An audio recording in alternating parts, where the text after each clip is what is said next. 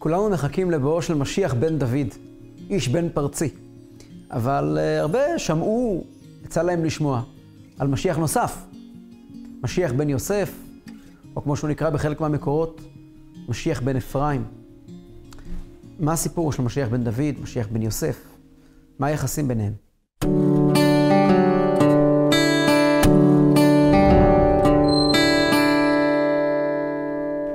אז האמת היא שבניגל אין הרבה חומר על משיח בן יוסף. יש uh, במסכת סוכה, בגמרא, uh, מביאים פסוק, ש, שכאשר משיח יבוא וספדו הארץ משפחות משפחות, הגמרא דנה למה הם יספדו כשמשיח יבוא, והגמרא עונה על משיח בן יוסף שנהרג. הגמרא מספרת לנו שיש מושג כזה שנקרא משיח בן יוסף. בראשונים, בכתבים של הראשונים, יש בכמה מקומות מילים על משיח בן יוסף, כל מיני מדרשים. שיבוא משיח גם משבט יוסף, כמו שיבוא משבט מבן דוד, וגם הוא יעשה פעולה של מלחמה עם אומות העולם, והוא ייהרג. בכתבי האריזל מופיע שבכל דור ודור יש משיח בן דוד ומשיח בן יוסף. ומוזכר בפרי חיים, שצריכים לכוון בצמח דוד עבדך מהרה תצמיח, צריכים לכוון גם שלא ייהרג משיח בן יוסף בימי ארמילוס הרשע, יש מדרש תמוה כזה שמופיע אצל הראשונים, שיש מלך בשם ארמילוס הרשע שרוצה להרוג את משיח בן יוסף. ויש דורות שהוא נהרג ויש דורות שהוא נשאר בחיים. וכתוב שאריזל עצמו אמר לתלמידים שלו, תכוונו טוב טוב, שמשיח בן יוסף לא ימות בימיכם. ורב חיים ויטל כותב בפרי עץ חיים שלא הבנו למה הוא מתכוון, אבל לא עברו כמה חודשים ואריזל נפטר, ונודע למפרע שהוא היה משיח בן יוסף, כך כותב אה, רב חיים ויטל. אז מה זה משיח בן יוסף? ומה זה משיח בן דוד? ומה הקשר ביניהם? אז האמת היא שהמרכזיות של שבט יוסף לצד שבט יהודה, זרע דוד, הייתה משחר ההיסטוריה. וזה באמת עובר מדור לדור בעם ישראל, מאז רחל ולאה, רחל זה יוסף כמובן, ולאה זה דוד, ועד למשיח בן דוד, משיח בן יוסף. אלו שני כיוונים של כל עבודת השם של יהודי. שתי דרכים אה, מקבילות, שעל פי חסידות באות לידי ביטוי בכל פרט בחיים שלנו. נעשה סקירה קצרה היסטורית, ואז נעבור למשמעות של הדברים על פי חסידות. אז הכל מתחיל בתורה שבכתב, בפרשת וישב, כשמדובר שם על שני שלוחים. יש לנו שני שלוחים, השליח הראשון זה יוסף. וישלח יעקב את יוסף מעמק חברון, וישלחהו מעמק חברון. שולח, קורא יעקב ליוסף ושולח אותו. מעמק חברון, הוא עצמו לא יודע מאיפה הוא שולח אותו, מעצה עמוקה של אותו שקברו בחברון, מגר יהיה זרעך בארץ לא להם, הוא שולח את יוסף לשליחות ארוכת טווח, שהתחנות הגדולות שלה והראשונות שלה מופיעים בתורה, מופיעים מיד אחרי זה שהוא מכין את uh, מצרים, לקלוט את, uh, את היהודים מצרימה, את בני ישראל שהולכים לרדת מצרימה, אבל זה לא מסתיים שם. זו שליחות שהולכת להימשך עד אשר אבוא אל אדוני שעירה, עד שנסיים את השליחות כולה של תכלית ירידת הנשמות לעולם הזה. וישלחהו מעמק חברון. וישנה שליחות נוספת, פרשה אחרי זה, בסוף פרשת ויגש, ששם אומר, שוב פעם, יעקב, וישלח, ואת יהודה שלח לפניו להורות לפניו גושנה, גם הוא שולח את יהודה להכין את מצרים, להכין את הגלות, להכין את הגאולה. גם יהודה נשלח וגם יוסף נשלח. ובכלל, כל סיפור אה, יוסף ואחיו מהדס על שני הקצוות האלה, יהודה המלך ויוסף המלך. לא מעט אפשר לקרוא על כך בברכות יעקב, שהוא מברך את השבטים לפני מותו, מקדיש הרבה ברכות ליוסף, ואז מקדיש הרבה ברכות ליהודה. קודם ליהודה ואז ליוסף, ולשניהם הוא מדבר על עניין המלכות. ישנם שני מלכים, יהודה ויוסף. איך פותח המדרש את פרשת ויגש, ויגש אליו יהודה, ויאמר בי אדוני, אומר המדרש, הנה המלכים נועדו, עברו יחדיו. יש כאן שני מלכים, יהודה ויוסף, שני מלכים היסטוריים, שכאן מתחיל הקשר המיוחד בין שני המלכים האלה. אם נחפש אותם בהמשך הדורות, אז למשל, בכניסה לארץ, הכניסה לארץ התבצעה בידי המנהיג שהיה יהושע בן נון, איש אפרים, וכנגדו, מי שסייע לו, ומי שבעצם גם ירש את מקומו, היה כלב בן יפונה, הכניזי, כלב בן יפונה מזרע יהודה. הם שני המרגלים היחידים מתוך 12 שקולטים את השליחות להיכנס לארץ באמת ועומדים כנגד כולם, יוסף מצד אחד באמצעות יהושע בן נון למטה יוסף יהושע בן נון, ומצד שני יהודה, שזה כלב בן יפונה למטה יהודה. בדורות הבאים, אז החלוקה הבולטת בין בני יוסף, בין בני לאה לבני רחל, שם דווקא בנימין לוקח את המקום של בני רחל, זה שאול ודוד. ששאול יושב על הטיקט של, אמנם הוא לא יוסף, הוא בנימין, אבל הוא שייך ל, לרחל, ומולו אה, עומד דוד מזרע יהודה. אבל החלוקה הגדולה היא ללא ספק אה, אחרי ימות שלמה המלך, כאשר אחיה השילוני קורא לירובעם בן נבט משבט אפרים, וממנה אותו למלך על חלק לא מבוטל מעם ישראל. עשרה שבטים מישראל נגזרים ממלכות, מהממלכה המאוחדת. רחבעם בן שלמה נשאר מלך רק על שני שבטים, ולעומתו אה, אה, בן אפרים, ירובעם בן נבט, מולך על עשרה שבטים. והמלכות הזאת, שקדוש ברוך הוא כונן אותה, עמדה לא מעט שנים עד שחרבה, כאשר גם באותם שנים אנחנו יודעים שלאורך כל הזמן הבחירה בירושלים, בבית המקדש, שגם, אגב, גם הוא מחולק, כידוע, בין בנימין לבין יהודה. כן, כידוע שגבול עובר בין יהודה לבנימין בתוך בית המקדש, אבל בעצם, בעצם הוא שייך ליהודה, זה לקחו את המקום של שילה, ששילה היא בהר אפרים. כפי שאומרים בפסוקים, בתהילים, ויטוש משכן שילה, אה, אוהל שכן באדם, ויבחר בדוד עבדו, אה, ובשבט אפרים לא בחר, יש שם כזה פסוק. שבט אפרים לא בחר, יש את הבחירה ביהודה והבחירה באפרים.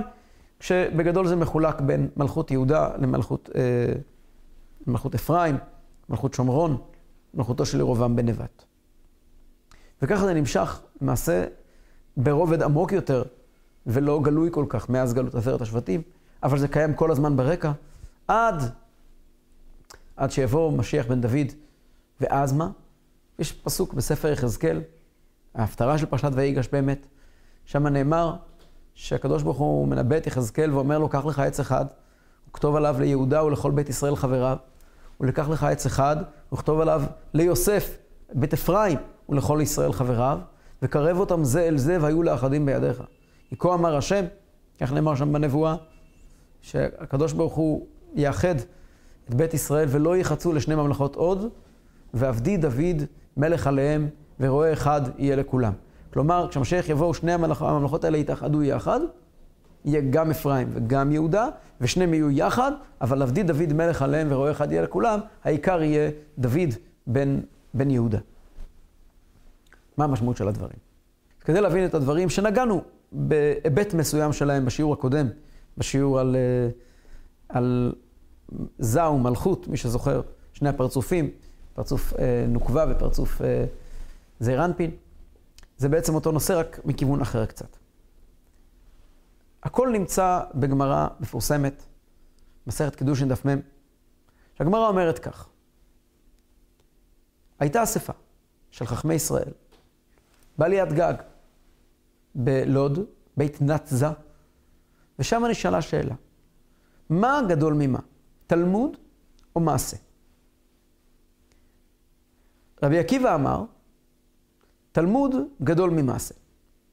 רבי טרפון אמר, מעשה גדול מתלמוד. ואז עמדו כולם למניין, ובדקו מה דעת הרוב, ודעת הרוב הייתה שהתלמוד גדול ממעשה, כיוון שהוא מביא לידי מעשה. מה המשמעות של המחלוקת? מה זה תלמוד ומה זה מעשה? מוסבר בחסידות כך. ישנם שני עניינים בעבודת השם. ישנו עניין אחד שנקרא תלמוד, שזה, אפשר לתרגם את זה למילה חוויה. חוויית התורה והמצוות. כבר נראה אותה בכל הדורות, איך היא נמצאת אצל כל הדמויות שהזכרתי. לעומת זאת, יש חוויה של מעשה, עניין של מעשה, שזה לא החוויה של התורה והמצוות, אלא הקיום שלהם בפועל. כדי להבין את זה, פשוט נעבור לדוגמאות שכעת הזכרנו. בואו נזכר ביוסף ויהודה. יוסף ויהודה, שניהם התמודדו עם חטאים. יוסף אומר לאשת פוטיפר, אם חלילה וחס אני אעשה הרעה הזאת, אז אומרים חז"ל, אני אמחק ממניין השבטים. 12 השבטים שחקוקים, על אבני החושן, אומר, אומר יוסף, אני אצא משם. אם אני אחטא כעת, לא יהיה את האבן שלי בין אבני החושן. אני לא יכול לחטוא. אם אני פשוט לא יהיה קיים יותר. יהודה, לעומת זאת, וירד יהודה מאם אחיו, יהודה חוטא, בסיפור מכירת יוסף. הוא עושה מעשים לא פשוטים בסיפור תמר, ויהודה נעמד ואומר, צדקה ממני, טעיתי, חטאתי, אבל אשמים אנחנו. מתנער מהעפר, התנערים מעפר קומי, מתנער מהעפר ואומר, טעות, יופי, ממשיכים קדימה. יוסף אומר, אני לא יכול לטעות. יהודה אומר, אם אני עושה טעות, אני קם, מתנער וממשיך קדימה. זה שתי עולמות. יוסף נקרא הצדיק. צדיק פירושו מי שמביא את הקדוש ברוך הוא לעולם. יוסף חייב להישאר תמיד טפח מעל הקרקע. כאשר יוסף נמצא במצרים, הוא שולט במצרים, הוא לא אומר לכל המצרים, לכו תמולו את עצמכם. הוא גורם למצרים, הוא משעבד את המצרים לגמרי. הוא לא חבר שלהם, הוא נמצא ביניהם, הוא מדבר איתם, אבל הוא מרומם מהם, הוא צדיק, הוא מחבר, כתוב בחז"ל, עמוד אחד יש שמחבר שמיים וארץ וצדיק שמו. הוא מחבר שמיים וארץ, הוא מגיע למצרים, מרוות הארץ, ובז לה. הוא לא יכול להתערבב איתה, ברגע שהוא מתערבב איתה, כמו שאומר שפוטיפר, אין יותר יוסף. אבל כל זמן שהוא מרומם ממצרים, הוא ממשיך ונותן למצרים כוח וקדושה, הוא מל את כל המצרים. באחת השיחות הרבי שאל, למה הוא מל אותם? הם הרי גויים, איזה מצווה יש למול אותם? והרבי עונה, מכיוון שהם היו מקנת כספו, ואת עבד צריכים למול, כפי שההלכה אומרת. כלומר, הוא מתייחס לכל מצרים כאל עבדים שלו, הוא מטפל בהם, הוא שולט בהם. מבלעדיך לא ירים איש את ידו ואת רגלו בכל ארץ מצרים. זה יוסף. יהודה לעומת זאת, יהודה אשר גבר באחיו. יהודה נקרא אריה, גור אריה יהודה. יוסף נקרא שור. ההבדל בין שור לאריה. הרבי האמצעי אומר שהשור, את העוצמות שלו תראה כשתרתום אליו. תחבר אליו אה, אה, מחרשה, והוא יוציא את העוצמות שלו. לא צריכים להרגיז, להרגיז אותו כדי שהוא יוציא את העוצמות שלו. הוא חי את החיים שלו, הוא הולך. תוך כדי שהוא הולך, כל השדה נחרשת. יוסף הוא צדיק, הוא מביא, הוא נכנס למצרים, הוא הולך בדרך שלו, כל מצרים מתהפכת. יהודה לעומת זאת הוא אריה. מה זה אריה? לכו תבקר אריה בגן חיות, תראו יצור שעצלן, שוכב בצד, חי את החיים הטובים. לא תראו את העוצמות שלו. אתם רוצים לראות את העוצמות של האריה, תרגיזו אותו. שימו מולו טרף. שימו מולו משהו שיגרום לו להוציא את העוצמות שלו. ואז פתאום הוא יזנק, גור אריה יהודה. פתאום אתם תראו מה זה כלבים מי יקימנו כשהוא קם. שום דבר בעולם לא יכול לעמוד מולו. יהודה זה בחינה הפוכה לגמרי, אי אפשר להוציא ממנו את הכוחות שלו בדרך רגילה. אבל הוא מתמודד, כשהוא מתמודד עם משהו, הוא מפרק אותו לגמרי. כשיהודה עומד מול אתגר, שום דבר לא יכול לעמוד מולו. רואים את זה בצורה הכי הכי בולטת בין, אה, יוסף, בין אה, יהושע בן נון לכלב בן יפונה. ביניהם עולם מפריד ביניהם, הם לא דומים בכלל. 12, 12 אה, מרגלים יוצאים למשימה לטור את הארץ, שניים יוצאים החוצה מתוך הכלל. כלב בן יפונה ויהושע בן נון, עם הבדל עצום. יהושע בן נון הולך עם שבב.